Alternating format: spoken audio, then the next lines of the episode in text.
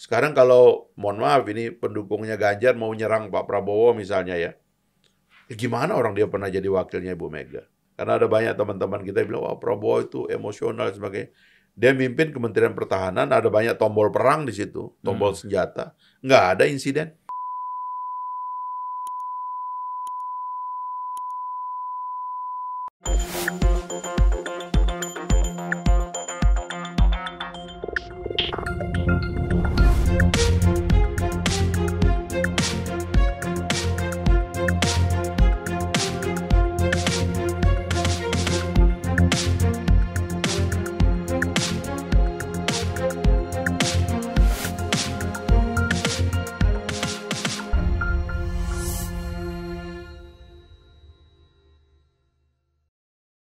Assalamualaikum warahmatullahi wabarakatuh. Waalaikumsalam. Wah, salam sejahtera buat kita semua.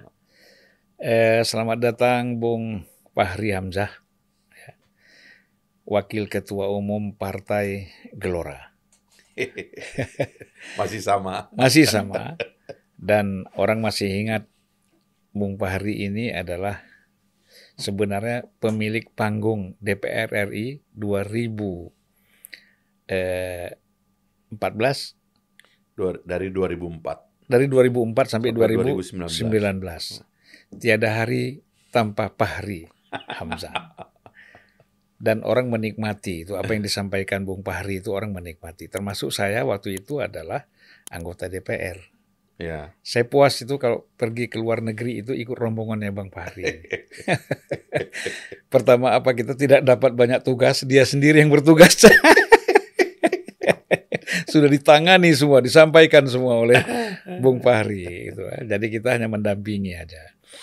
Nah, jadi kita ini kan mendekati hajatan.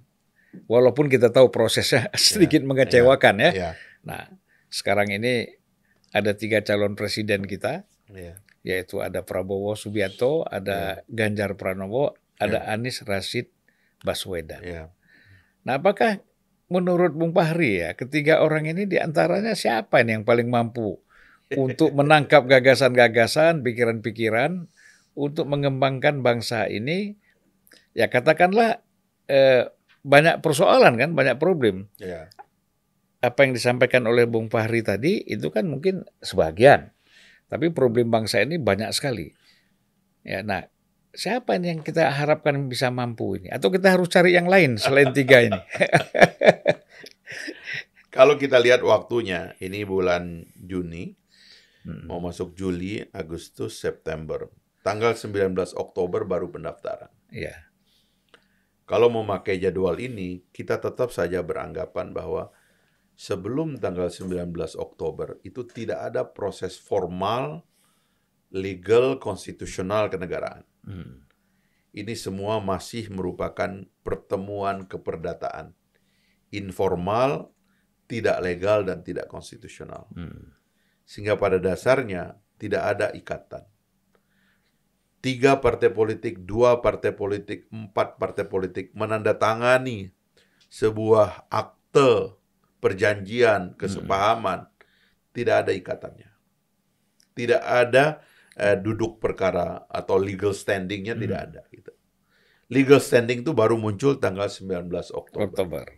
Jadi sebenarnya kalau memakai teori ini memang belum ada, Bang Hmm. gitu. Jadi ya apa pun yang ada histeria itu yang saya sayangkan. Histeria di tingkat bawah, orang sudah bagi-bagi sembako, udah cetak-cetak baju dan sebagainya ya it's a private histeria begitu, bukan merupakan histeria kenegaraan gitu. Jadi Hmm. itu yang saya sayangkan karena kalau di negara yang demokrasinya matang ya itu diikat Hmm. kalau sebuah partai sudah mengumumkan diikat oleh negara, kamu nggak boleh mundurkan lagi. Hmm. Kalau sudah hasil konvensi misalnya diumumkan, nggak bisa. Dia nge- ngebatalin tuh bisa Pada kena. setelah tanggal 19.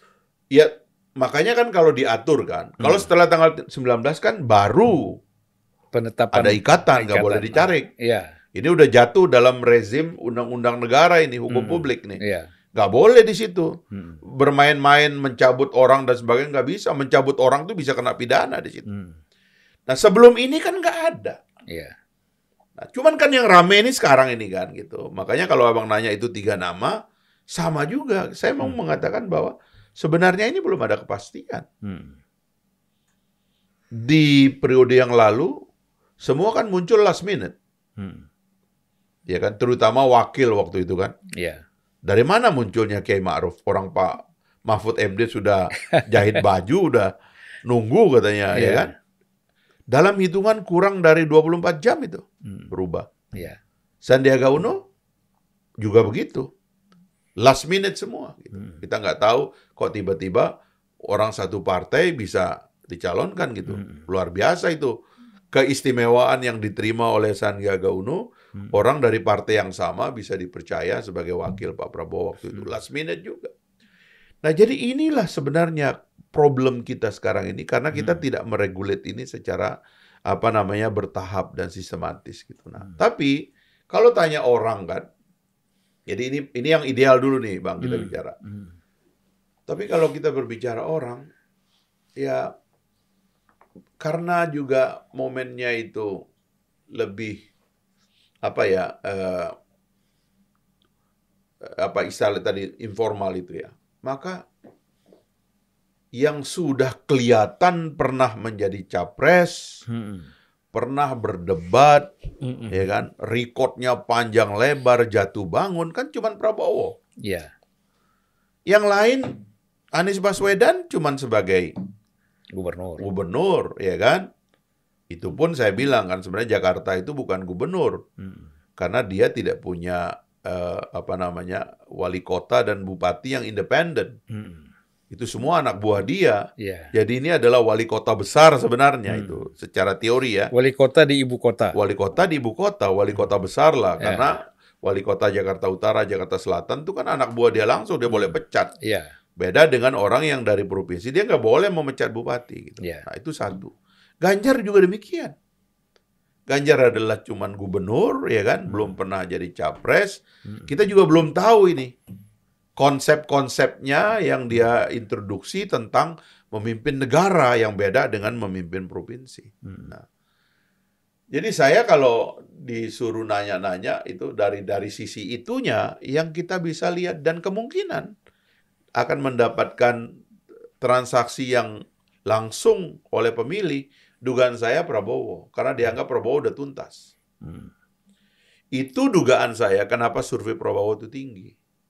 Karena sepertinya udah banyak orang yang mengatakan ah selama ini kita lihat kita nggak percaya sama Prabowo ternyata fine fine aja udah jalan udah masuk pemerintahan udah mimpin kementerian yang paling strategis. Hmm.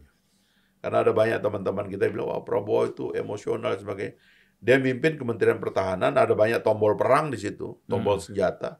Nggak ada insiden ya kan? Tidak ada mesiu ya. jalan aja begitu aja kan. Akhirnya banyak orang yang sekarang ini migrasi ke Prabowo ini keuntungannya Pak Prabowo Hmm. tapi saya nggak tahu apakah keuntungan yang didapatkan sekarang tuh bisa ditandingi sama yang lain yang calon-calon muncul karena juga dari sisi stabilitas tiket menurut saya yang stabil tiketnya Pak Prabowo. Hmm. Kenapa? Karena dia juga capresnya, dia juga apa Ketua- namanya ketua, ketua umum partainya partai. yang cuman perlu satu partai. Hmm.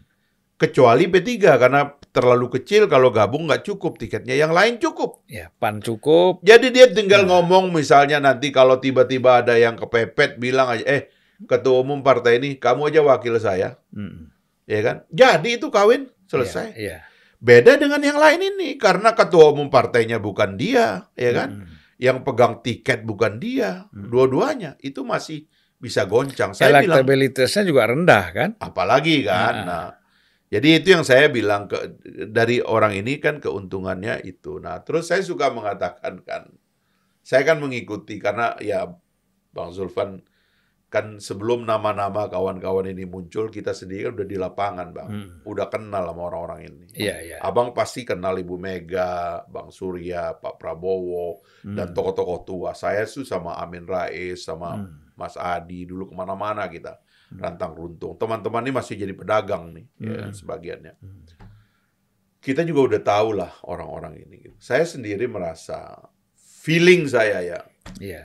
orang itu akan agak berbaik sangka kepada Prabowo pada periode ini gitu. Hmm. Itu yang saya lihat. Itu ada pendulum ke arah sana.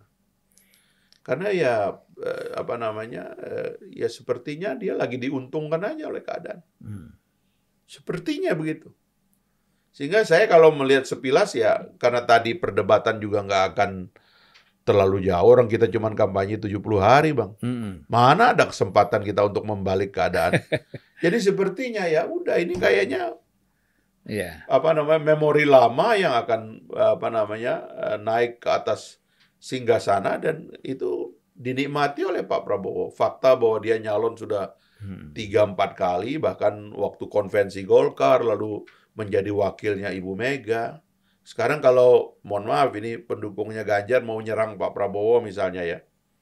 Ya gimana orang dia pernah jadi wakilnya Ibu Mega? Iya. ya kan? Atau pendukungnya Pak Anies mau nyerang Pak Prabowo. Apa masalahnya dengan Prabowo? Dia nggak Hmm. pernah punya masalah dengan politik Islam misalnya kayak Hmm. gitu. Jadi saya lihat ini ada pendulum ini yang untung Prabowo. Iya, iya, iya.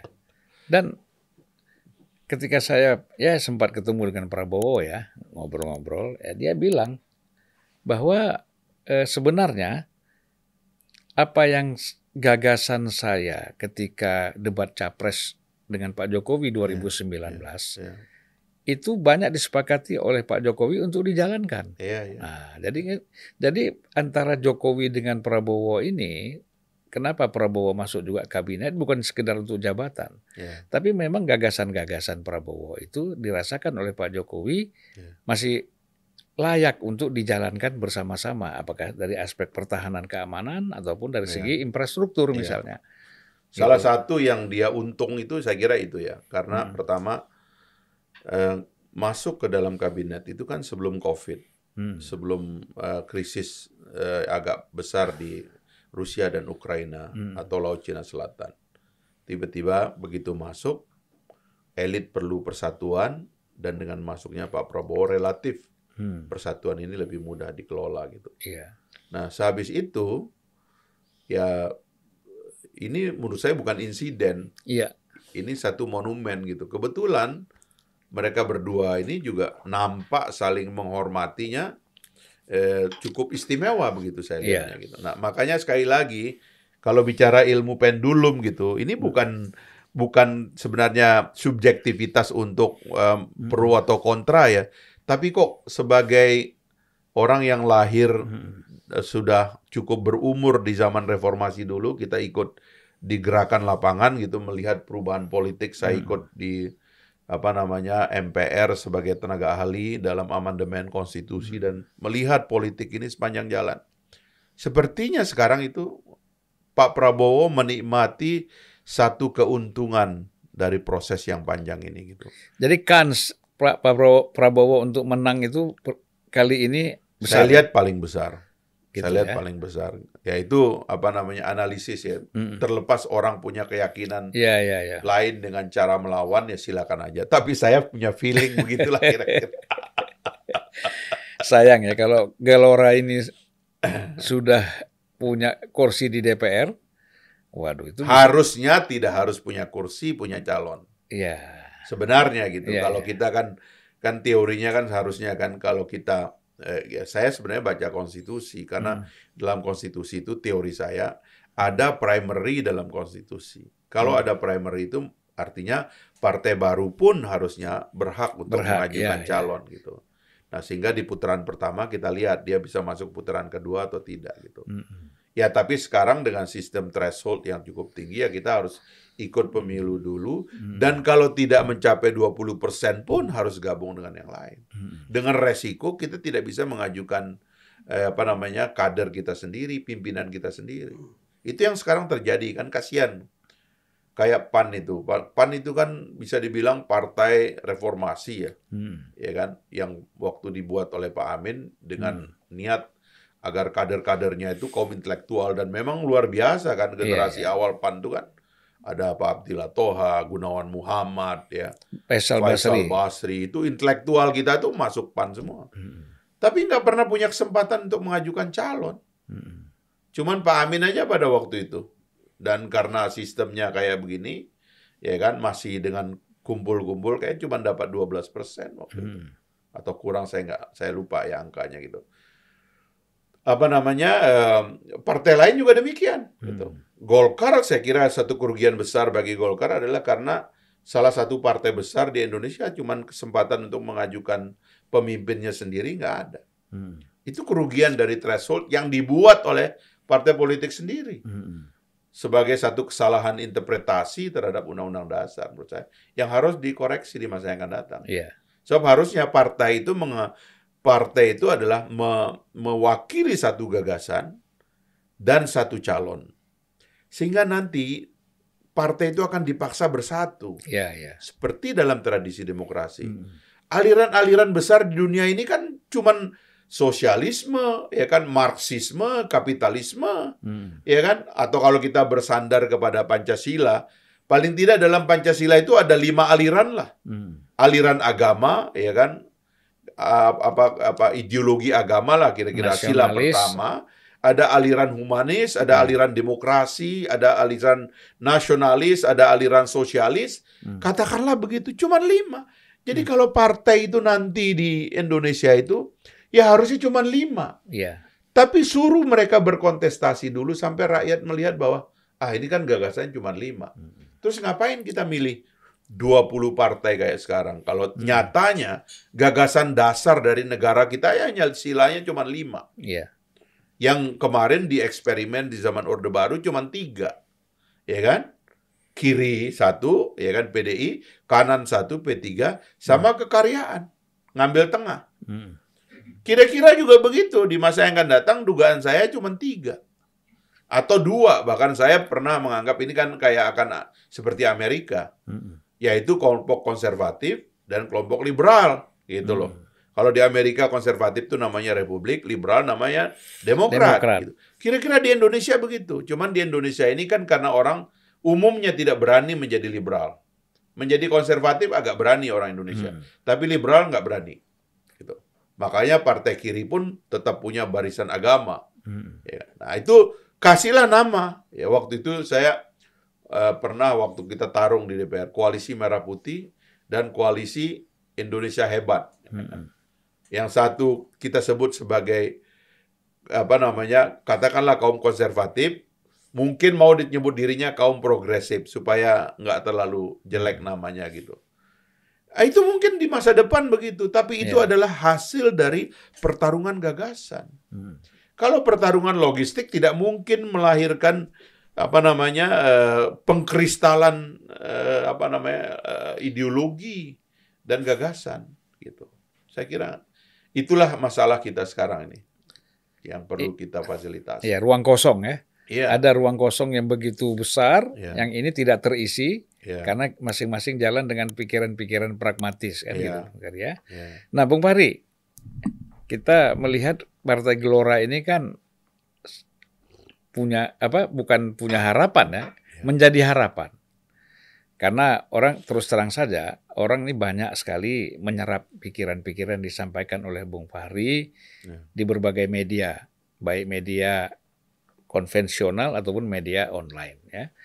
Nah, sejauh ini untuk supaya memenangkan partai ini dalam pemilu, sudah sejauh mana konsolidasi yang dilakukan? Ya? Iya.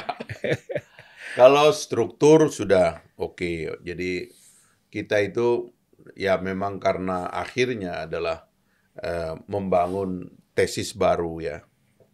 Akhirnya kita betul-betul bikin sendiri mm-hmm. dan melakukan proses kaderisasi yang relatif uh, masif melalui sosial media. Mm-hmm. Kita punya namanya Akademi Manusia Indonesia yang kita buka ya bagi semua membership kita karena hmm. sampai pendaftaran kemarin kita punya kader terdaftar satu juta ya.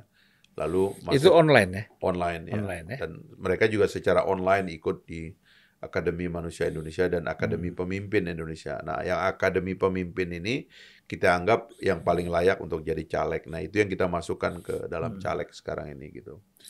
Dan kita punya caleg alhamdulillah 100% eh, caleg pusat, 100% caleg provinsi dan 93,7% untuk caleg DPRD tingkat hmm. duanya gitu.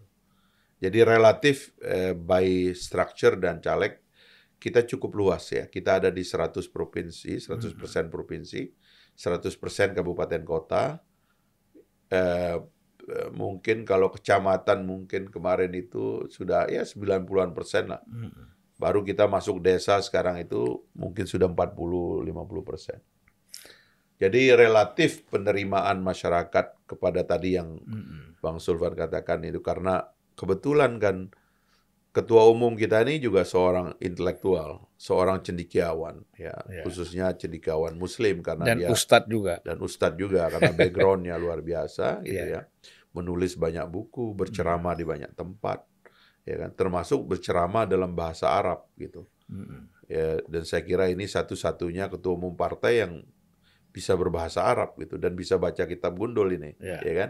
Dan saya melihat ketua umum Bung Fahri ini seorang organisatoris. Ya, ya. itu itu luar biasa itu Iya. ya karena saya orang manajemen sebenarnya Hmm. belajar ilmu manajemen di UI. Hmm. Saya tahu betul bacaan-bacaan manajemen beliau lebih advance. Hmm. Itu sebabnya dia bisa ngelola dan memimpin partai ini eh, sampai ke seluruh Indonesia. Kuat sekali itu anu, cara Iya. mengelolanya itu. Nah, jadi eh, by structure, by SDM itu kita sudah pasang.